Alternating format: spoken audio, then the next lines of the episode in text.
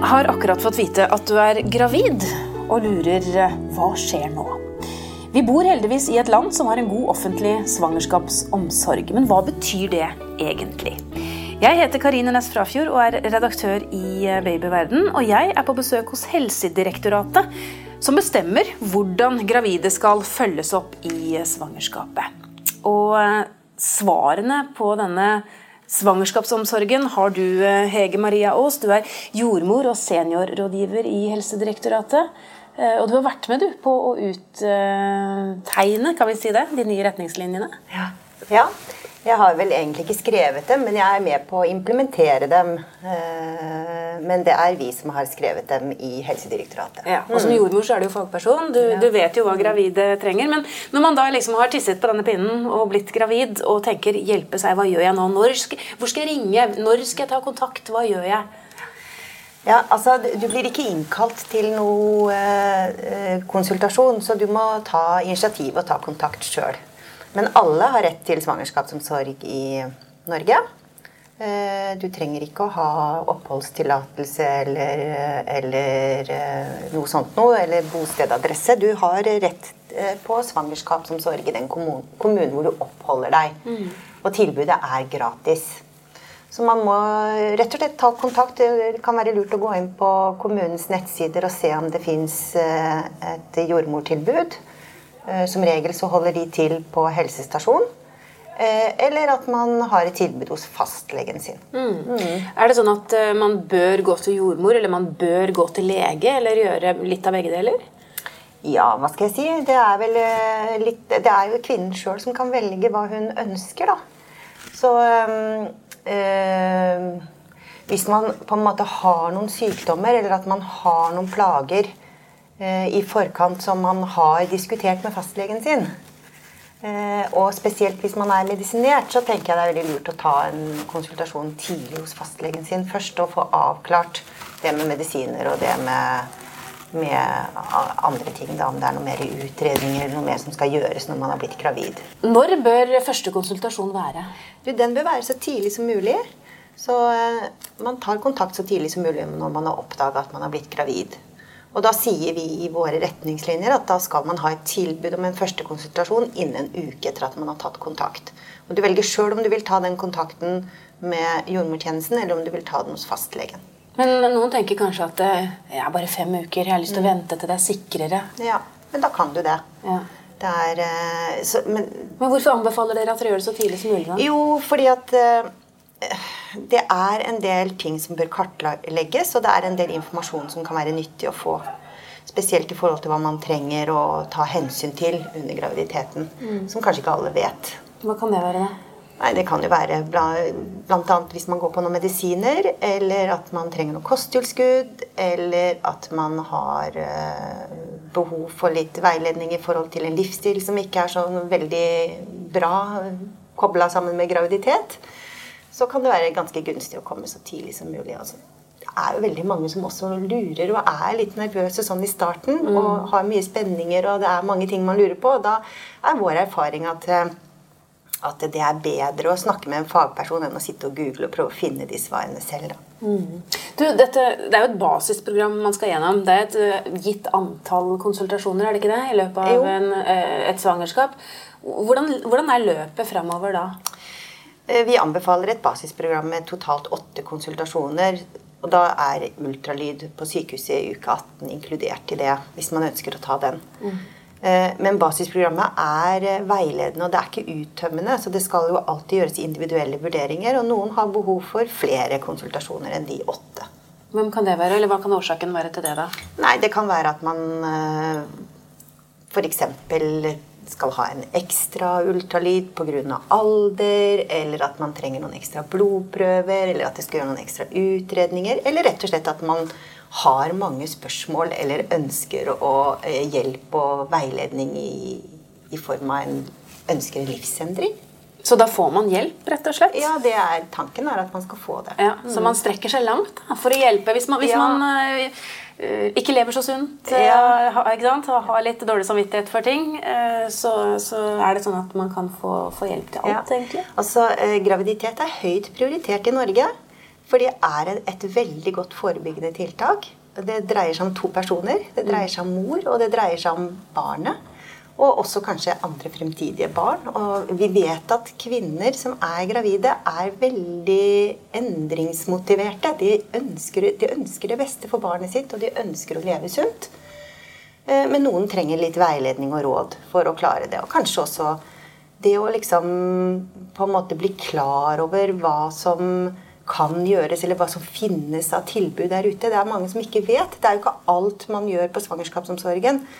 Det hender jo at man henviser videre til andre instanser som kan gi bedre hjelpetiltak enn det, enn det man kan gjøre hos jordmor og fastlege også.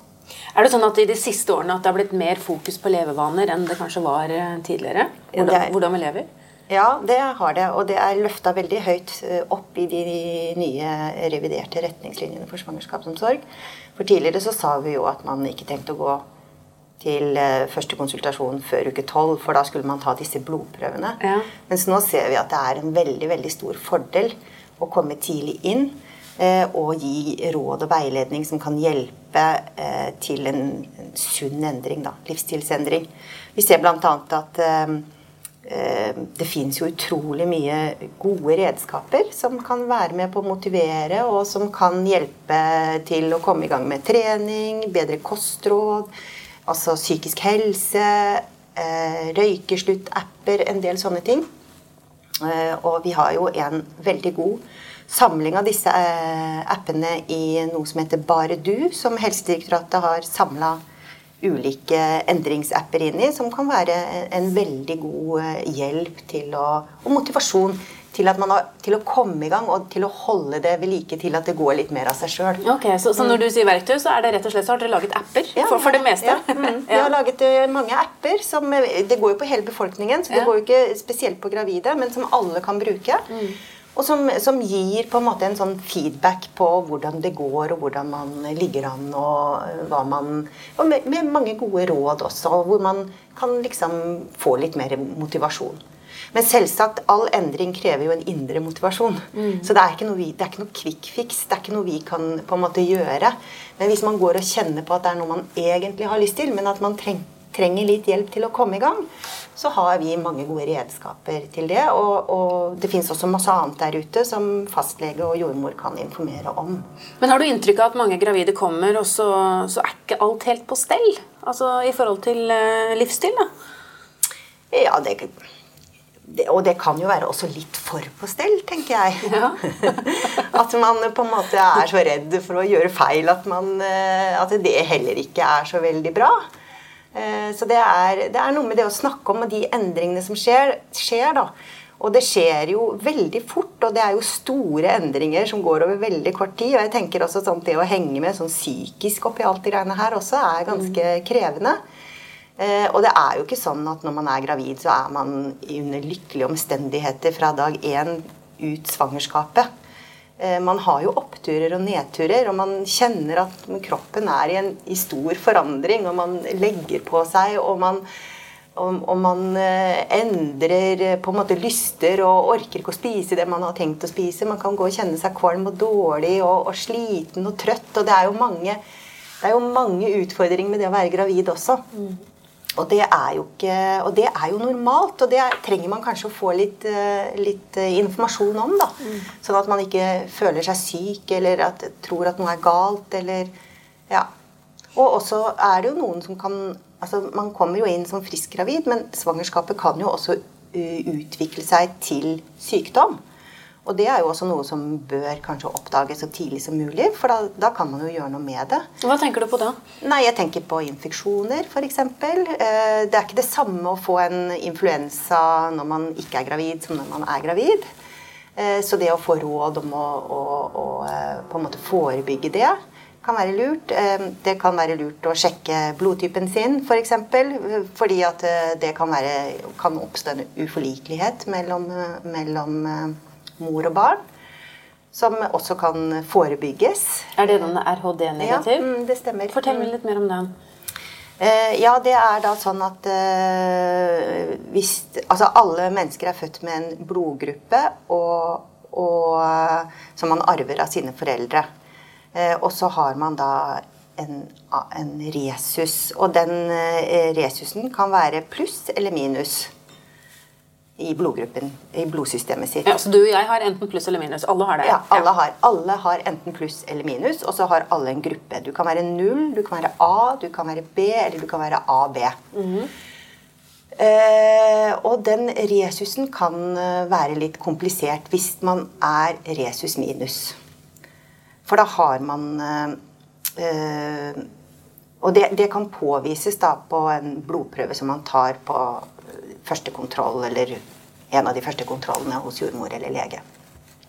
Eh, og hvis man er resus minus og bærer på et resus positivt foster, så kan eh, mor og barn ut, altså de kan blande blod hvis det blir en liten blødning i morkaka eller under fødsel eller Ja, det er jo ganske vanlig at eh, det kan skje under fødsel, at det blir, at det blir litt blødninger da. Så kan eh, mor begynne å danne antistoffer i sitt blod mot resus positivt blod. For hun har jo resus negativt blod.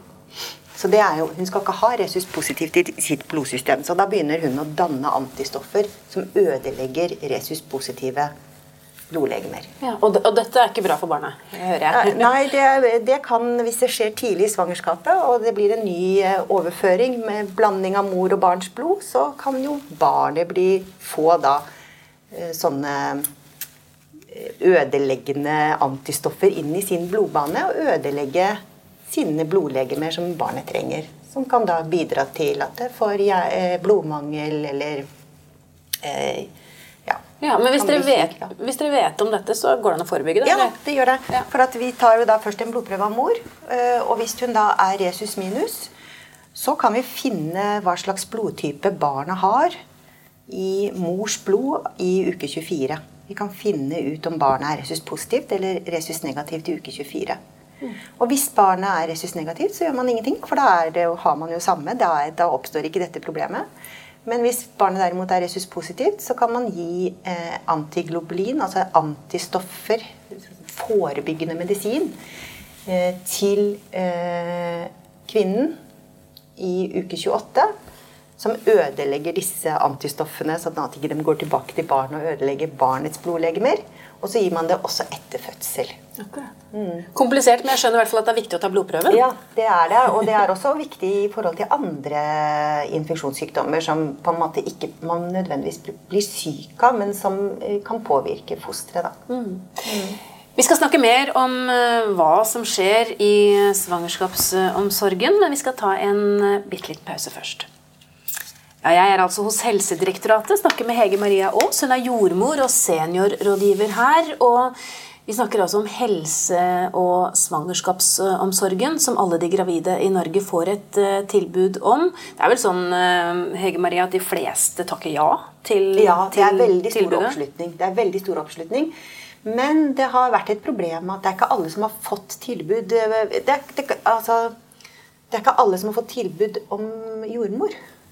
For det er ikke alle kommuner som har hatt et godt nok jordmortilbud. Det er jordmormangel i Norge? Jeg vet ikke om det er jordmormangel, men det er, det er i hvert fall mangel på kan være, Det viser seg at det er mangel, mangel, på jordmødre ute i kommunen. Det har ikke vært høyt nok prioritert i kommunehelsetjenesten. Mm. Fordi at eh, fastlegene også har kunnet tatt en del av denne jobben. Og da er det kanskje kommuner som har tenkt at uh, da kan de gravide gå til fastlegen. Hva tenker du? Det, hvor viktig er det å ha en jordmor? Du er jo jordmor ja, selv. Ja, jeg er jordmor. Jeg tenker at eh, fastlege og jordmor er viktig begge deler. Og at eh, de utfyller hverandre, og at fastlegen bidrar med eller gjør vurder, medisinske vurderinger som jordmor ikke kan gjøre. Eh, og så tenker jeg at jordmor er flinkest på de som er helt friske. Mm. Eh, og gir et veldig godt eh, tilbud til eh, gravide i forhold til å forberede til fødsel og en del ting som har lang De fleste, altså de jordmødre har jo hatt lang praksis på føde- og barselavdelinger og kjenner jo kvinneklinikkene og, og svangerskapssystemet, altså fødselssystemet i Norge, veldig veldig godt. Og er nok flinkere der enn en fastlegene. Mm. Det er gjort en forskning også på det. altså Det er Cochrane som har gjort den forskningen. Og Cochrane det er et, et et uoff... Altså det er et u... Hva skal jeg si for noe? Um, altså det er ikke privat drevet altså er- De får ikke noen midler fra De er helt nøytralt. Eh, og de har gjort en stor oppsummering av eh, forskningsartikler og se, se hvem, hvordan man kommer ut da, som gravid. Og de sier at man kommer bedre ut hvis man har et jordmortilbud. Så hvis man har det, så bør man takke ja. Ja, Holde fast på jordmoren sin. Absolutt. Det mener jeg absolutt man bør gjøre. Jeg, men jeg mener at jordmor og fastlege utfyller hverandre. og eh, det kan nok være lurt, spesielt hvis man da eh, har medis medisinske problemer, så bør man også ha en, ha en samtale med fastlegen sin. Og fastlegen kjenner en jo gjennom hele livet, så det er jo greit for fastlegen å vite at man er gravid, og at man går gjennom en graviditet. Vi har jo snakket litt om dette med mm, levevaner, at det er viktig å leve sunt, det er viktig å være i fysisk aktivitet, vi vet at vi ikke skal røyke og drikke osv. Um, og så har du snakket litt om den RHD-negative testen, blodprøven man kan ta. Men de siste årene så har det også kommet en ny test som heter glukosebelastningstesten. Mm, ja. Hva er det for noe? Ja, den har vært veldig omstridt.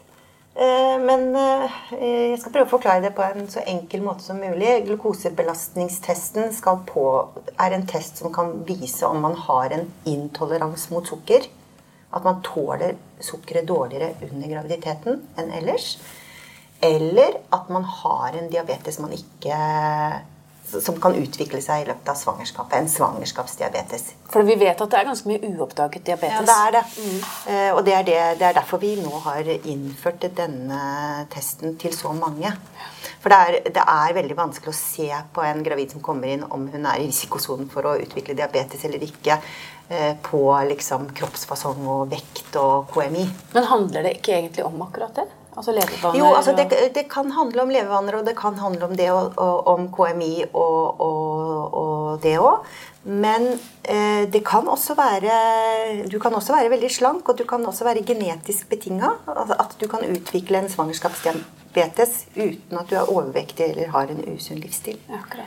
Så derfor, så, for å liksom få med alle, så er det ganske, ganske mange som blir testa i dag. Men ikke alle.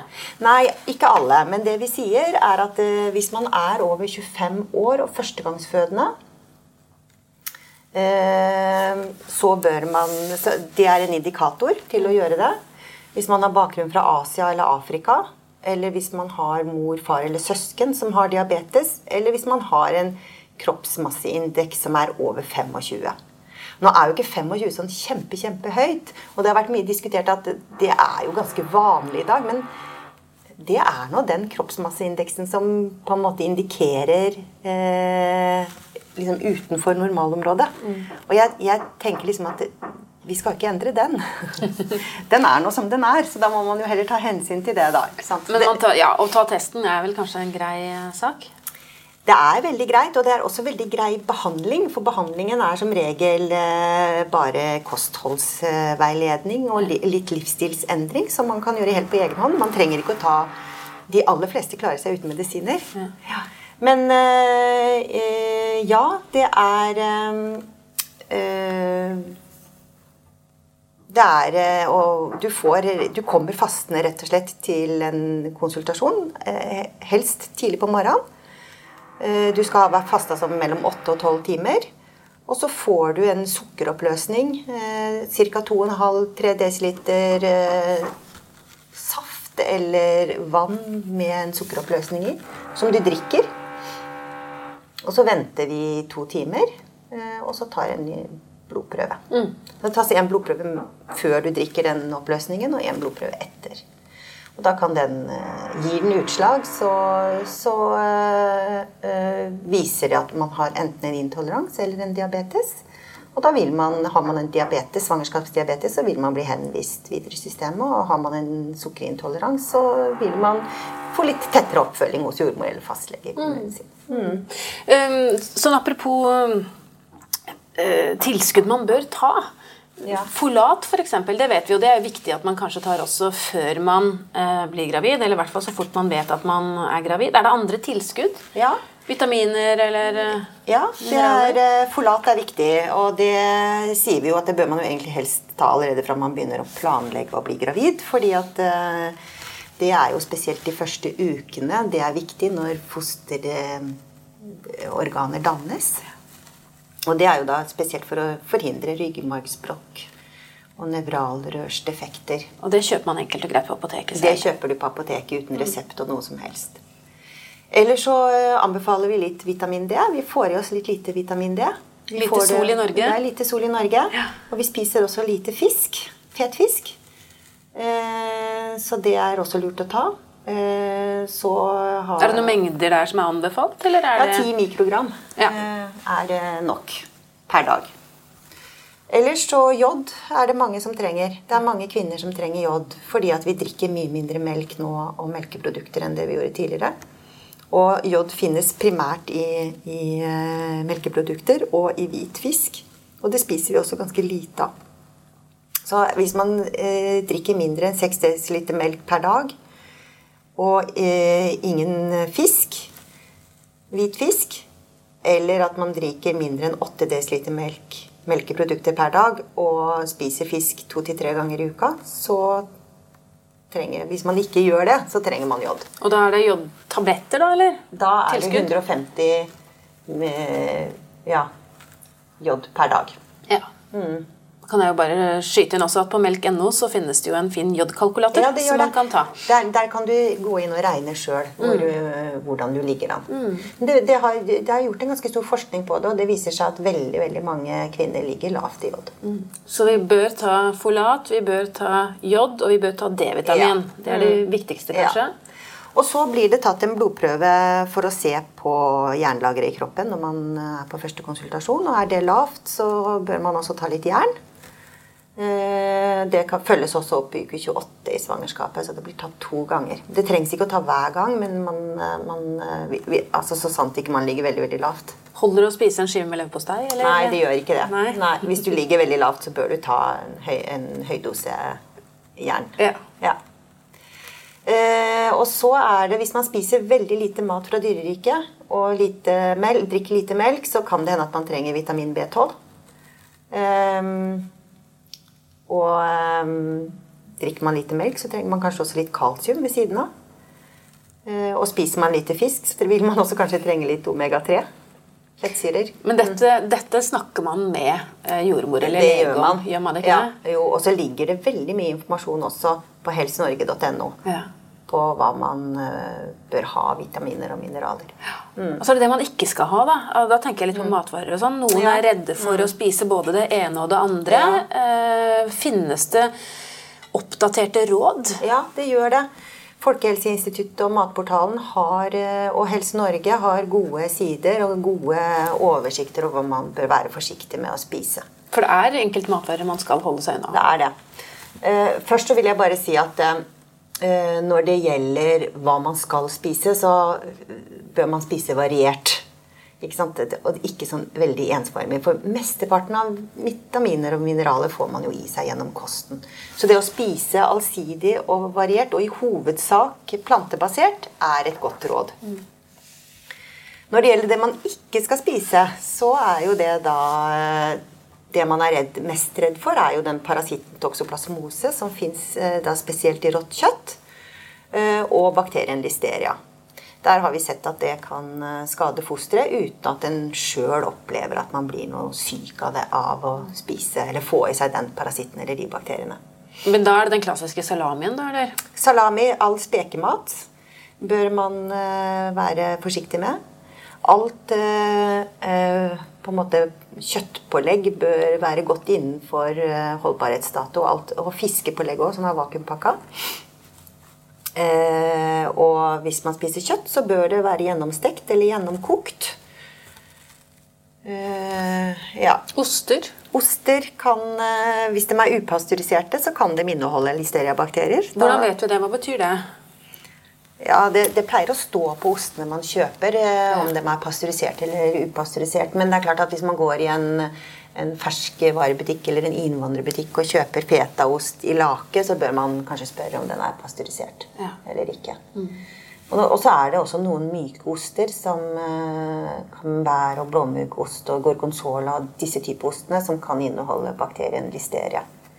Men eh, man, for å gjøre det enkelt så kan man si at vi kan spise alle harde oster.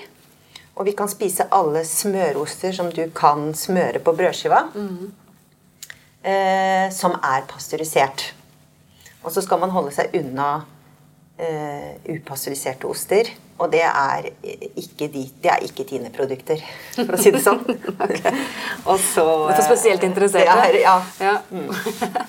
Men sånn alt i alt så høres det ut som vi har uh, veldig god kontroll ja. Uh, i Norge. Vi har det. Og det går jo bra med stort sett alle. Ja, det gjør det. Eh, det som er en liten utfordring, er at det er veldig mange som reiser som er eh, under graviditeten, er ute og reiser i andre land. Og der er det jo en del eh, andre bakterier og en del andre parasitter som, eh, i matverdenen som vi ikke er vant med i Norge. Ja. Sånn at Derfor så er det klokt å være litt ekstra nøye når du er i utlandet. Eh, og at man er ekstra nøye både med hygiene og, og, med hva man spiser, rett og slett. Ikke ta noen sjanser der. Det er jo spesielt på rå frukt og grønnsaker som kan inneholde da, toksoplasmose, parasitter. Mm. Tusen takk for eh, gode råd, Hege Maria Aas, jordmor og seniorrådgiver i Helsedirektoratet. Hvis du lurer på mer om dette temaet, finner du mange artikler på babyverden.no og diskusjoner med andre i Babyverdens forum. Hvis du ikke allerede har lastet ned appen vår, Gravid og barn, så anbefaler jeg deg å gjøre det med en gang, så kan du følge utviklingen til barnet ditt dag for dag og uke for uke. Siden du er opptatt av graviditet og barn, kan det også være lurt å abonnere på Babyverdens podkast, så får du nye episoder automatisk hver uke. Det er også vi som lager podkastserien Gravid uke for uke. Den bør du også få med deg hvis du har barn i magen. Har du kommentarer eller et tema du ønsker at vi skal belyse, så kan du sende en e-post til podkast at babyverden.no. Men husk at vi som lager denne podkasten er journalister og ikke helsepersonell. Så hvis du har medisinske spørsmål, må du ta kontakt med jordmor eller fastlegen din. Ha det godt til vi høres igjen.